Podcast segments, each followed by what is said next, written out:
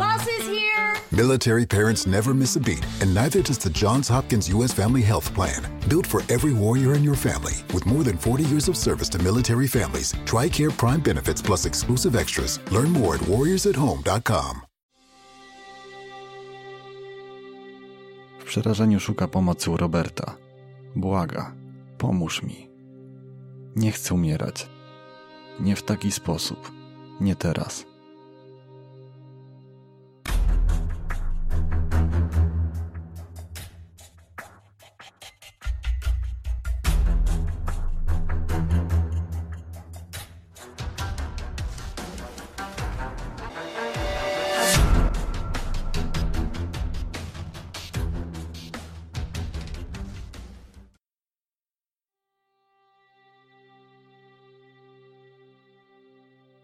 Okres dojrzewania bywa niezwykle trudny.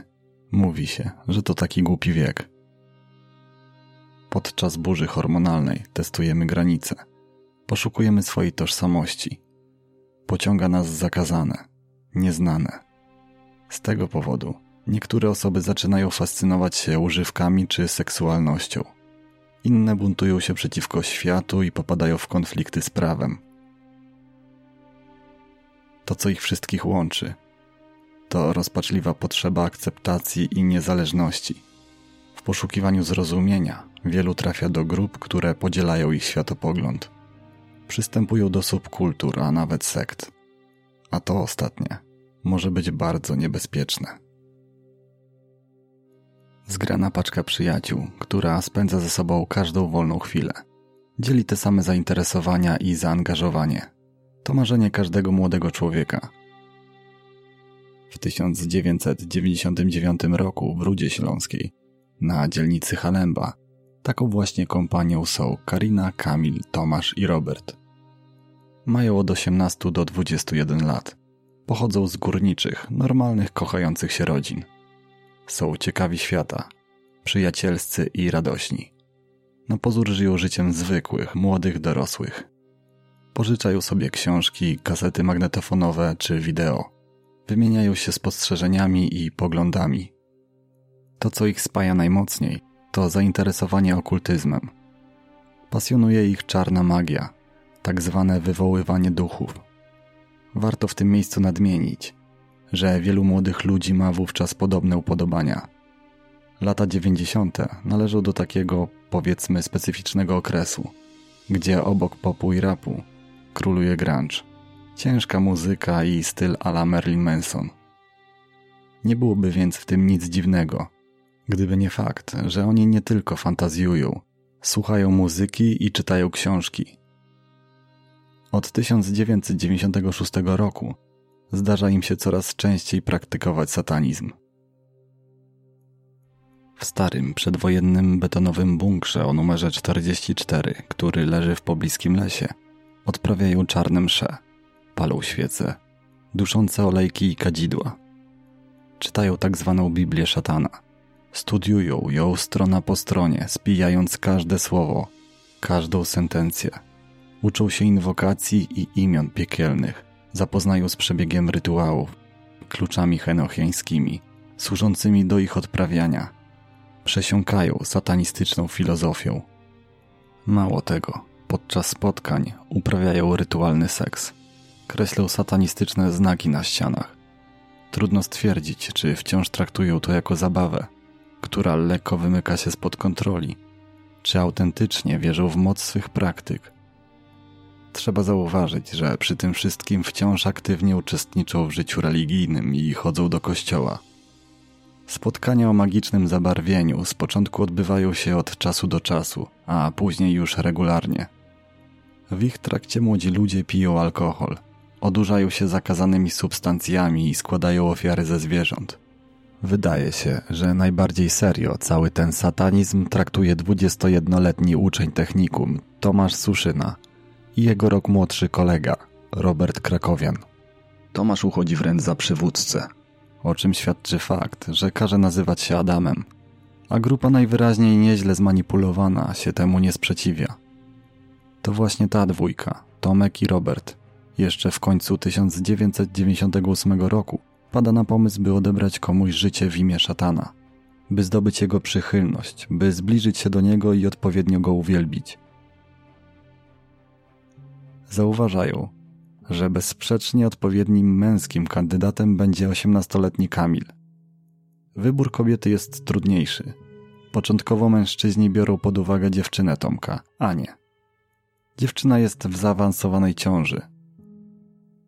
Tomasz nie chce, by ktoś obcy wychowywał jego dziecko, gdy on sam odbierze sobie życie po zakończeniu rytuału. Zgodnie z planem, to Robert ma poświęcić złemu Anię, ale z jakiegoś powodu nie chce tego zrobić. Sytuacja rozwiązuje się sama, gdy z końcem lutego 1999 roku do Rudy Śląskiej wraca z Londynu 19-letnia Karina. Dziewczyna przyjaźni się z mężczyznami. Niejednokrotnie dawała namówić się na tajemnicze rytuały w bunkrze. Nie ma nic przeciwko demonicznym orgiom. Traktuje to jako erotyczną zabawę. Co istotne, dziewczyna podkochuje się w Tomaszu. Wysyła do niego listy miłosne. Niekiedy bardzo intymne. Drażni to Roberta. Chłopak od jakiegoś czasu skrycie darzy Karinę uczuciem. Nie mówi o tym nikomu, nawet Tomkowi. Ale jest wściekły za każdym razem, gdy widzi szczery uśmiech i zalotne spojrzenie wysyłane w stronę kolegi. Zazdrość i poirytowanie nieodwzajemnionym awansem sprawiają, że Robert przystaje na to, by ofiarą kobiecą została Karina. Do rytuału przejścia zaproszony jest jeszcze jeden, nieznany z imienia chłopak, ale w ostatniej chwili rezygnuje. Smutne jest to, że o planach nie informuje nikogo z członków rodziny, przyjaciół czy policji. Być może mógłby zapobiec tragedii. Na kilka dni przed ceremonią Tomasz i Robert nabywają sztylety. Jeden przypominający miecz o czarnej rękojeści, drugi z podobizną głowy konia. 2 marca 1999 roku cała czwórka wieczorem udaje się do bunkra w lesie. Tomek i Robert wchodzą do środka. Są bardzo podekscytowani. Na ścianie malują odwrócone krzyże. Trzy litery F, co ma oznaczać liczbę 666, jako że F jest szóstą literą alfabetu łacińskiego. Kreślą krzyż Konfucjusza, przypominający krzyż z hakiem, będący niedokończonym kołem i symbole egipskiego boga Amon-Ra, utożsamianego z Bogiem Słońca. Używają do tego czerwonej farby. Dziewiętnastoletnia Karina i osiemnastoletni Kamil są niczego nieświadomi. Z niecierpliwością czekają przed bunkrem. Myślą, że czarna msza, jaka zaraz będzie miała miejsce, nie będzie różniła się od tych, w których dotychczas uczestniczyli. Będą wywoływać duchy, powtarzać jakieś zaklęcia, może dojdzie do zbliżenia cielesnego. Od nieszkodliwa w ich opinii zabawa. Karina myśli raczej o spędzeniu czasu z Tomkiem, a Kamil i tak nie miał nic lepszego dziś do roboty. Przeciągające się przygotowania zaczynają ich niepokoić. Jest bardzo zimno. Ziemia pokryta jest szronem, a na dworze zdążyło zrobić się ciemno. W głębi lasu słyszą dziwne dźwięki. Z pewnością są to grasujące zwierzęta, ale wyobraźnia nastolatków robi swoje.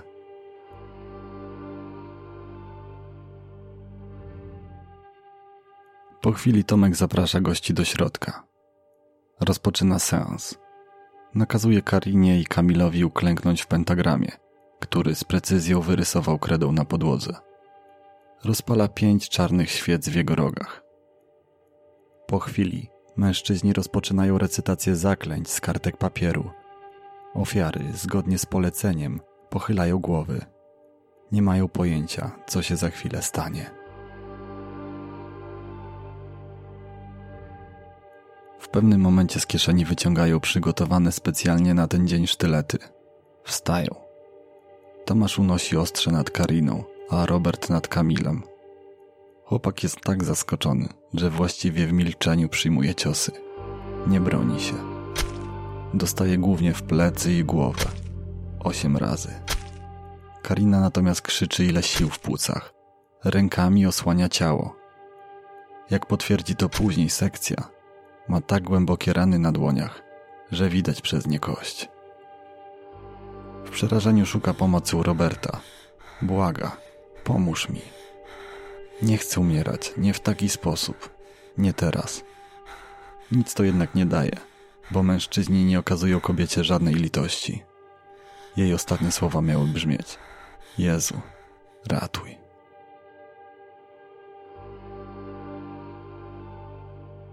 Tomasz uderza w głowę, klatkę piersiową i brzuch. Przyzna później, że odebranie komuś życia wcale nie jest takie proste, jak mogłoby się wydawać. Po zakończonej pierwszej części przystępują do kolejnej. Teraz mają sami siebie pozbawić życia, by połączyć się ze swoim mistrzem. Brakuje im jednak odwagi. Pierwszy ucieka z miejsca zdarzenia Robert. Tomasz rani się dość powierzchownie w brzuch i nadgarstki. Nie decyduje się na poważniejszy krok. Oszronionymi ulicami podąża w stronę domu, znacząc trasę czerwoną smugą.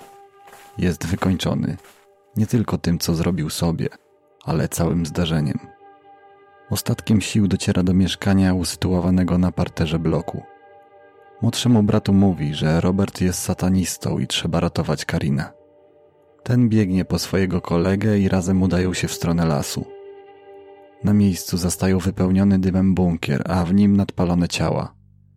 Dzwonią po policję. Karetka zabiera Tomka do szpitala. Lucky Land Casino asking people what's the weirdest place you've gotten lucky? Lucky? In line at the deli, I guess? Aha, in my dentist's office. More than once, actually. Do I have to say? Yes, you do. In the car before my kids' PTA meeting. Really? Yes. Excuse me, what's the weirdest place you've gotten lucky? I never win and tell. Well, there you have it. You can get lucky anywhere playing at LuckyLandSlots.com. Play for free right now. Are you feeling lucky? No purchase necessary. Void where prohibited by law. 18 plus. Terms and conditions apply. See website for details. Okoliczni mieszkańcy są w szoku. Co prawda słyszeli co nieco, że od czasu do czasu młodzież eksperymentuje z okultyzmem, ale nikt nie byłby w stanie nawet przypuszczać, że dojdzie na tym tle do tragedii. Przyjaciele Kariny nalegają, by wyprawić jej katolicki pogrzeb. Młody proboszcz nie chce go udzielić samodzielnie, więc prosi o pomoc emerytowanego księdza Alojzego Brzezina. Z końcem lutego 2000 roku rozpoczyna się proces. Próbowano ustalić, czym właściwie była odprawiana przez grupkę znajomych ceremonia. Ksiądz Andrzej Kołek uznał, że był to raczej seans pseudo-satanistyczny, bo mężczyźni nie znali nawet podstaw łaciny, a słowa, jakie zapisali na kartkach pozostawionych w bunkrze, były pozbawione składni i fleksji. W chwili popełnienia czynu, choć otumanieni mroczną ideologią, byli w pełni poczytalni. Świadomie odebrali młodym ludziom życie. Tomasz próbował zrzucić winę na Roberta. Mówił, co nie było zgodne z prawdą, że to Robert był inicjatorem. Szczerze wierzył w rytuał i że to on go zranił w brzuch. Mało tego, gdy leżał bezwładnie na ziemi, to właśnie Robert odbierał życie ofiarom. Kolega zaprzeczył, powiedział, że obaj są w takim samym stopniu odpowiedzialni za czyn. Wyraził skruchę. Przeprosił i błagał o wybaczenie rodzinę Kamila i swoją. Nie dopuszczał do siebie myśli, że zrobił coś tak potwornego koledze. Mówił, że świadomość popełnienia błędu będzie się za nim ciągnęła do końca życia. Z przyzwyczajenia, po jednym z pierwszych przesłuchań, widząc przechodzącego obok niego ojca ofiary, powiedział mu dzień dobry. Mówi, nie wiem, dlaczego zabiliśmy Kamila i Karinę. To jest wszystko bez sensu. Tomasz natomiast pozostaje zimny i obojętny. Przyznaje, że nie spodziewał się, że odebranie życia jest takie trudne. Robert został skazany na 25 lat, a Tomasz na dożywocie. Będąc już w więzieniu, Tomasz grypsami próbował nakłonić kolegów, by go odbili z konwoju, a tak, żeby zastraszyli siostrę Roberta na tyle, by ten wziął na siebie całą odpowiedzialność. Chciał dać za to 100 tysięcy złotych, ale nikt nie przystał na układ. Rodziny mężczyzn wyprowadziły się z Halemby. Nie chcieli być na językach sąsiadów. Do dziś mieszkańcy, świadkowie tamtych zdarzeń, nie chcą o sprawie mówić. Bunkier zamurowano. Można się jednak do niego dostać. Grupki poszukiwaczy mocnych wrażeń od czasu do czasu zaglądają w to mroczne miejsce.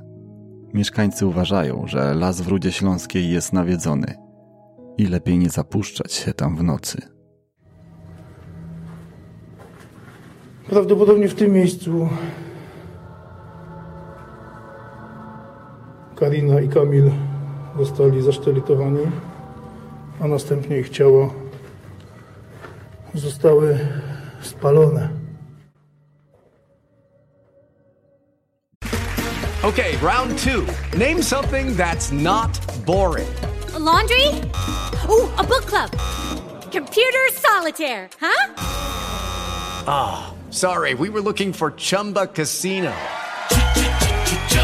That's right. ChumbaCasino.com has over 100 casino style games. Join today and play for free for your chance to redeem some serious prizes.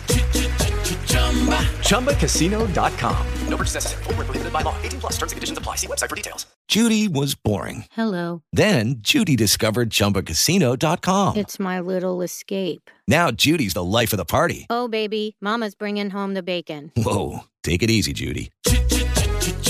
The Chumba life is for everybody. So go to ChumbaCasino.com and play over 100 casino style games. Join today and play for free for your chance to redeem some serious prizes.